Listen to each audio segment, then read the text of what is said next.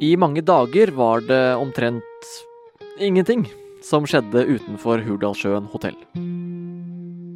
Journalister og fotografer satt time etter time og venta på at noe som helst, egentlig, skulle lekke ut fra regjeringssonderingene. Og så Etter fem dager, nå på onsdag, kom SV-leder Audun Lysbakken ut døra på hotellet. Ja, um, vi er altså nå uh, ved et punkt som jeg hadde håpet vi uh, ikke skulle komme til. Og da skjedde alt på en gang. Uh, og det er med stor skuffelse at vi må erkjenne at det etter SV sitt syn ikke er eh, politisk grunnlag for å danne en rød-grønn regjering. Så kom Jonas Gahr Støre, som har fått drømmen sin om flertall knust. Så jeg har respekt for at de eh, kom til den eh, konklusjonen. Jeg hadde håpet på et annet utfall. Og Trygve Slagsvold Vedum fra Senterpartiet, han fikk det som han ville. Tonen her i Hurdal, og når vi ser mange av de diskusjonene vi har hatt over tid, gjør at vi bør gå i gang med forhandlingene så snart som, som mulig. sånn at vi kommer godt i gang i en ny eh, stortingsperiode. Så, så hva betyr det for hvordan livet blir for deg og meg de neste fire årene? Du hører på Forklart fra Aftenposten, og jeg heter David Vekoni. I dag er det fredag 1. oktober.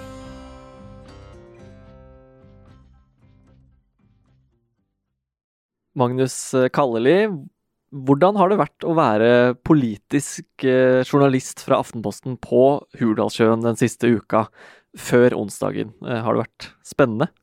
Eh, det har absolutt ikke vært veldig fartsfylt og, og spennende.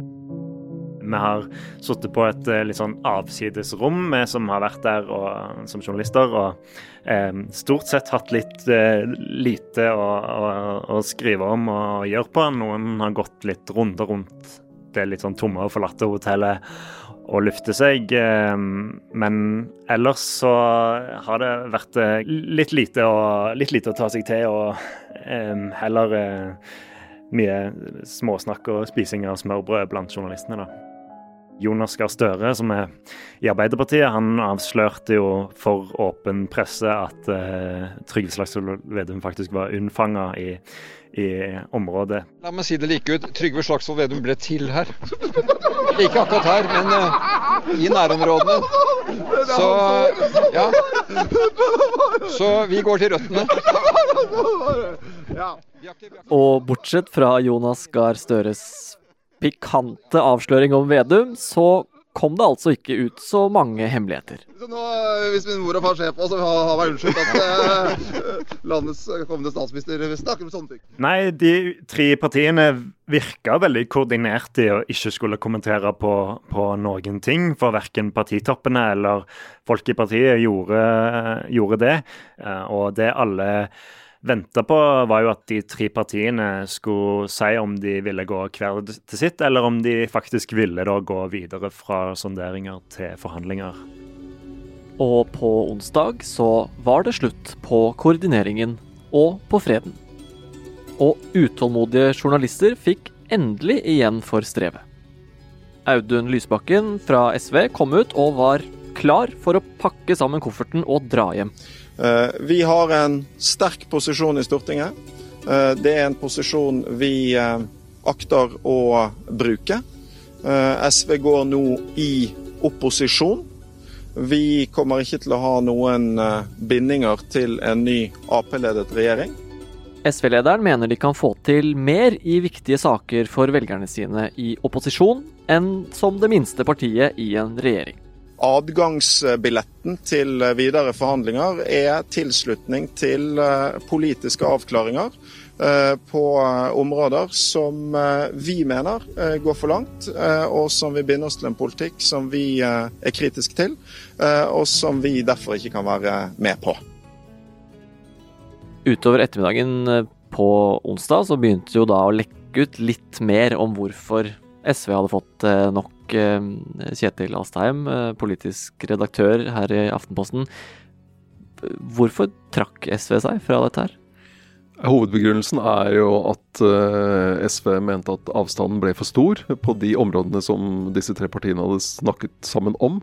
Og vi vet at det har handlet om olje og klima, og det har handlet om eh, fordelingspolitikk, eh, bl.a. syn på skatt, hvor mye skattene skal øke, og synet på private aktører i, i velferden, private barnehager f.eks., hvor, hvor strenge eller hvor, hvor, inngripende tiltak man skal ha eh, overfor uh, den type aktører.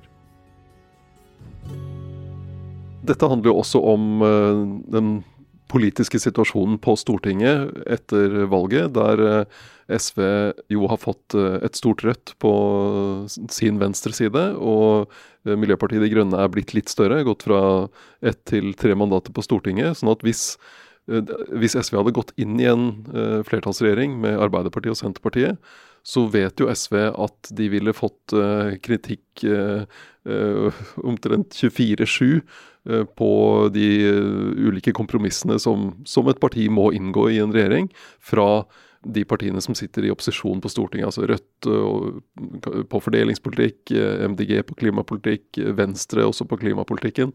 Sånn at, og det å være da et lite parti, det minste partiet i regjering, og samtidig bli hakket på fra utsiden på den måten, det ville vært en ganske belastende situasjon for SV.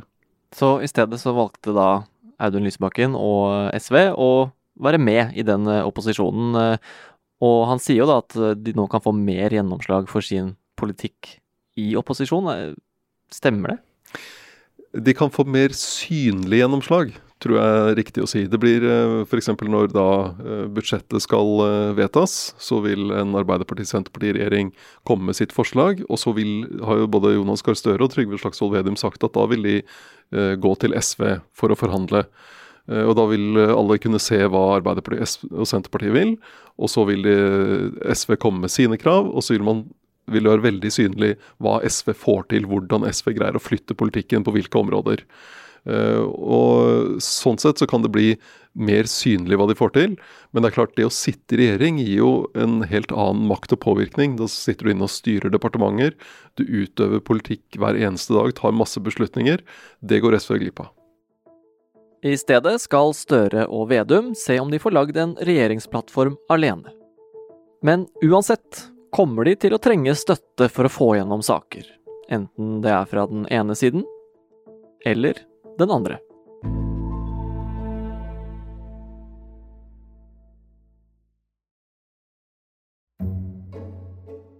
Jonas Gahr Støres eh, store mål var jo å bli statsminister for en regjering der alle de tre, altså Arbeiderpartiet, Senterpartiet og SV, var med. Eh, og Kjetil, du har jo kalt dette her et eh, stort nederlag for Støre. Hvordan da? Dette har jo vært hans plan A, å få til en uh, flertallsregjering med de tre partiene. Uh, det får han ikke.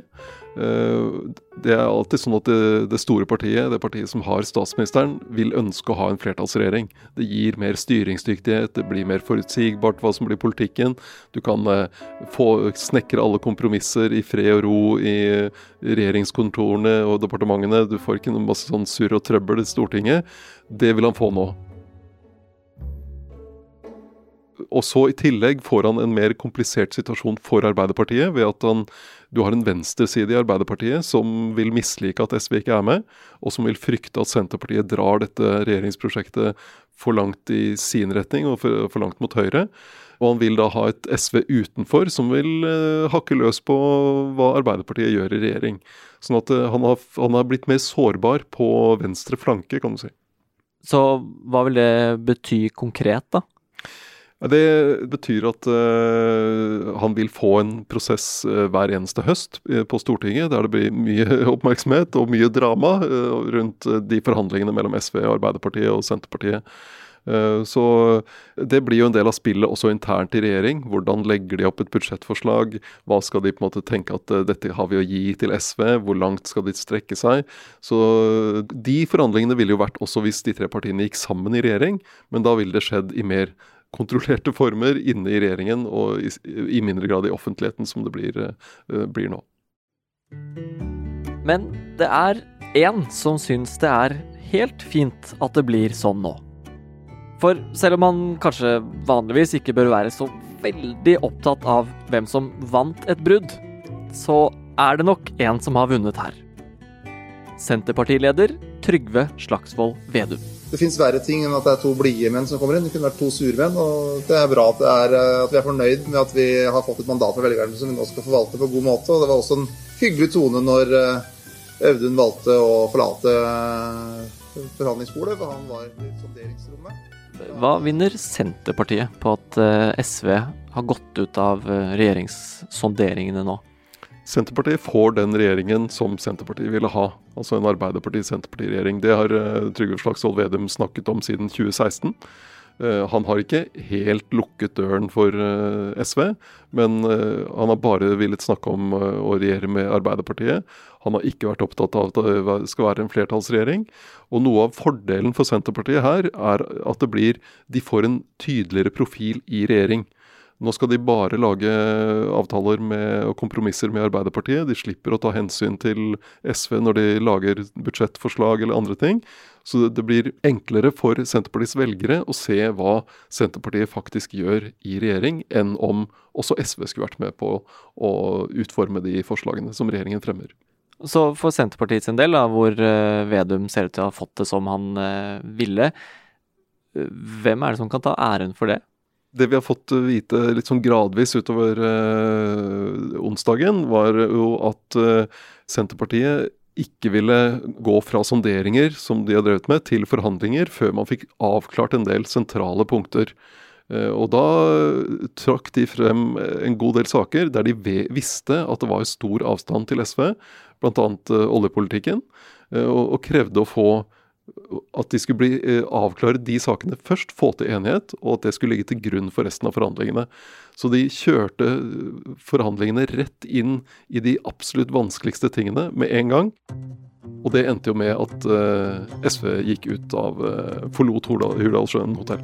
Så de kan rett og slett ha vært uh, ganske taktiske der, da, og bare skvisa SV ut? Senterpartiet er kjent for å være gode forhandlere, og dette var en, et utfall som for Senterpartiet ser ganske bra ut. Fordi det var jo SV som gikk selv. Uh, og det ville, ikke, det ville vært litt vanskeligere for uh, Vedum om det uh, fremsto enda mer direkte som om du har Senterpartiet som prøvde å kaste ut SV. Fordi du har folk i Senterpartiet også som godt kunne tenkt seg å ha med SV. Det betyr at de politiske forhandlingene vil foregå for åpen scene i Stortinget, og ikke i lukkede regjeringskorridorer. I realiteten kan Støre og Vedum hente flertall i ulike saker, både på venstresiden og på høyresiden. Senterpartiet og Arbeiderpartiet er jo i sum eh, desidert største blokka i Stortinget. Eh, så er vi mindretallsregjering, og da må vi selvfølgelig jobbe for å lytte på Stortinget, ha dialog med Stortinget, prøve å få til gode og gjerne også brede løsninger i Stortinget. og Det er en lang norsk tradisjon. Nå ser det ut til at det blir en mindretallsregjering som da må hente flertall fra andre partier på Stortinget enn de som er i regjering. Hvor vil Støre hente det flertallet fra? Han har sagt at han vil gå til eh, SV når det gjelder eh, statsbudsjettet. Og så, og så vil jo de prøve å få til en enighet. Men det er jo mange andre saker, lovsaker eller andre ting, som en regjering fremmer av saker i løpet av et år. Og der ha, er det jo nå en åpning for at Arbeiderpartiet og Senterpartiet kan danne flertall i andre retninger. F.eks. med de kan danne flertall med Venstre og Kristelig Folkeparti, eller de kan danne flertall med Høyre eller Fremskrittspartiet. Det som eh, vi politiske journalister da gjerne omtaler som, som uh, slalåmkjøring på Stortinget. Så hva vil den slalåmkjøringen her egentlig bety da, for den faktiske politikken som, som du og jeg kommer til å merke de neste fire årene? I den økonomiske politikken så blir det et rød-grønt flertall. Eh, og det har jo stor betydning på skatter og avgifter og, og den slags. Det vil også være et flertall på rød-grønn side for å, å, reversere noen av de reformene som har vært, og noen distriktspolitiske satsinger. Og så har du andre saker der eh, en Arbeiderparti-Senterparti-regjering vil kunne gå til, en, til høyresiden. Eh, ta f.eks. rovdyrpolitikken. Der er det stor avstand mellom Senterpartiet og til dels Arbeiderpartiet og SV. Eh, og der eh, Arbeiderpartiet og Senterpartiet heller kan danne et flertall om å skyte litt mer ulv og bjørn og sånt med Høyre og Fremskrittspartiet. Eh, oljepolitikken vil de også kunne søke samarbeid med Høyre og Fremskrittspartiet. Og i flyktning- og asylpolitikken, der du kan få noe av den samme alliansen. Så det er ganske store, viktige felt der SV ikke vil få noen innflytelse, eller i hvert fall vil slite med å få det.